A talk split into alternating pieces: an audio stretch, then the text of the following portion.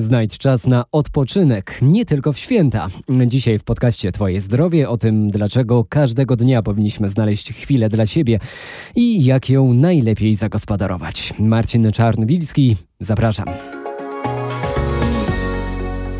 Specjaliści zwracają uwagę, że czas relaksu i regeneracji to nie powinien być dla nas luksus, lecz norma. Dlatego, jak mówi Agnieszka Wierzbicka-Fiołek z oddziału psychiatrii Krakowskiego Szpitala Świętego Ludwika, warto nauczyć się odpoczywać ważne jest zachowanie równowagi, więc e, jeżeli komuś w pracy brakuje tej aktywności, to warto w czasie odpoczynku skierować swoje działania na przykład na to. Jeżeli ktoś nie lubi aktywności intensywnej, to chociażby spacery. Jeżeli ktoś pracuje fizycznie, to faktycznie na przykład e, czytanie książek, może jakaś hobbystyczna nauka języka, to są, to są dobre rzeczy, e, żeby się zregenerować a brak odpoczynku równa się zmęczenie, a to skutkuje spadkiem wydajności w pracy, prowadzi do wypalenia zawodowego i do innych chorób cywilizacyjnych, różnych zaburzeń psychicznych oraz do pogorszenia relacji rodzinnych.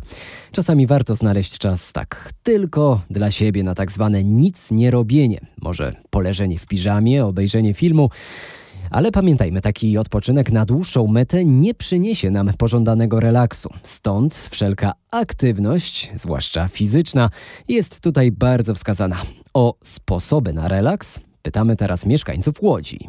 Jestem na emeryturze, odpoczywam. Wyprowadziłam się z miasta, mieszkam w Rokicinach, no na wsi. Cisza, spokój, fajnie, nie ma sąsiadów. Ja zaczynam od rana od gimnastyki i to od wielu lat, także dzięki temu chodzę, ale lat, lat mam już bardzo dużo. Zdrowy odpoczynek, wyjazd gdzieś nad morze, w góry. No właśnie teraz się szykuję w góry. Rozerwę się, pobawię, potańczę. Ja już mam tyle lat, że właściwie mój odpoczynek to jest bardzo, że tak powiem, stabilny i to nie jest dobrze. Trzeba się ruszać, trzeba się ruszać i koniecznie spacerować, póki można, bo to jest bardzo ważne. Tak jest, ruch w każdej postaci jest wskazany, mniej lub bardziej ekstremalny, a z uwagi na to, że w kilku województwach już rozpoczęły się ferie zimowe, to Katarzyna Strama, szefowa szkoły narciarskiej na Zakopiańskim Nosalu, radzi jak przygotować się do jazdy na nartach i snowboardzie, by nie skończyć u ortopedy. Te pierwsze dni, pierwsze godziny na stoku radzę nie szarżować,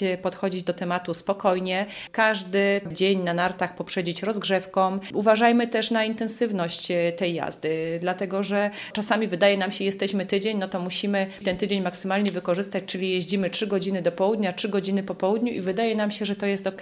No jednak mięśnie się męczą, nasze możliwości też w pewnym momencie się wyczerpują. No i wiadomo, zmęczone nogi, zmęczony cały organizm, no to też y, większe narażanie się na kontuzję. Więc z głową, jeździmy z głową.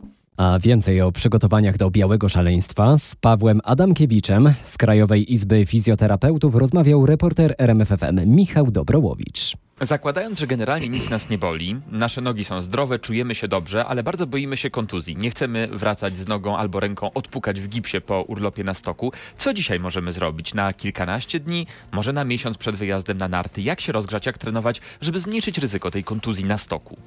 Tak, to, to jest bardzo ważne, ponieważ e, rzeczywiście w narciarstwo i, w, i w, w, tą aktywność akurat wchodzimy i w ten urlop wchodzimy z dnia na dzień, i, e, czyli z przysłowiowego biura wychodzimy na stok narciarski i spędzamy kilka godzin na tym stoku narciarskim. E, jest to dość spory wysiłek dla organizmu. Jest on różnymi czynnikami podyktowany, nie tylko wysiłkiem, jaki wynika z samego pokonywania bariery, jakim jest ciężar buta narciarskiego czy nart, czy jest to aktywność całkowicie nowa. Wielokrotnie uważamy, że umiemy jeździć na nartach, więc przystąpienie na drugi dzień, ubranie tych nart, ale to Zawsze jest... Zawsze dawaliśmy sobie radę. Tak, tak, ale to jest jednak taka e, aktywność niby zautomatyzowana w naszym organizmie, ale ją sobie trzeba przypomnieć. Natomiast trzeba się na pewno do tego przygotować i nie mhm. można tak e, z marszu e, wejść w, w, w ten cykl narciarski, czy w ten urlop, ponieważ może się to skończyć choćby nawet kontuzją, tak, a co najmniej y, sytuacją bólową na drugi dzień zakwaszenia organizmu, który niestety nas będzie eliminował. Jest takie stare powiedzenie narciarzy, że jest tak zwany trzeci dzień, to jest kryzys, a tak naprawdę w ostatnim dniu dopiero zaczynamy łapać te, ten, te żagle, w, w, znaczy wiatr w żagle i zaczynamy rzeczywiście wtedy czuć, że, że jesteśmy, ale już trzeba niestety wyjechać. Tak? Można jakoś skrócić ten czas, bo rozumiem, że no, wszyscy pracujemy, albo większość z nas, jesteśmy zajęci, podróżujemy czasami od parkingu podziemnego do parkingu podziemnego, od firmy do sklepu, potem do domu. Nie mamy okazji do tego ruchu. Co dzisiaj możemy zrobić, jeśli w planach jest ten wyjazd? Tak, i to, to właśnie y, y, ja to zawsze tak tłumaczę, że y, naprawdę minimum, które, które mhm. możemy zrobić, to jest wyjście poza tą aktywność dnia codziennego, którą robimy, czyli trochę więcej spacerować, może bardziej korzystać właśnie ze schodów aniżeli z windy, e, zarówno pod, e, do góry, jak i w, i w, dół, bo to mamy różne aktywności w tym momencie mięśniowe i one są bardzo, bardzo ważne dla nas. E, Niektórzy mówią, momencie... to w dół to ja sobie zjadę windą, to tylko wejdę. To to nie jest dobry pomysł. Nie, nie, nie, bo to jest całkiem inna praca mięśni mhm. i tu mamy pracę do góry mięśni koncentryczni, natomiast w dół będziemy będziemy mieć hamowanie ekscentryczne, które bardzo nam się przyda e, w sytuacji e, narciarstwa.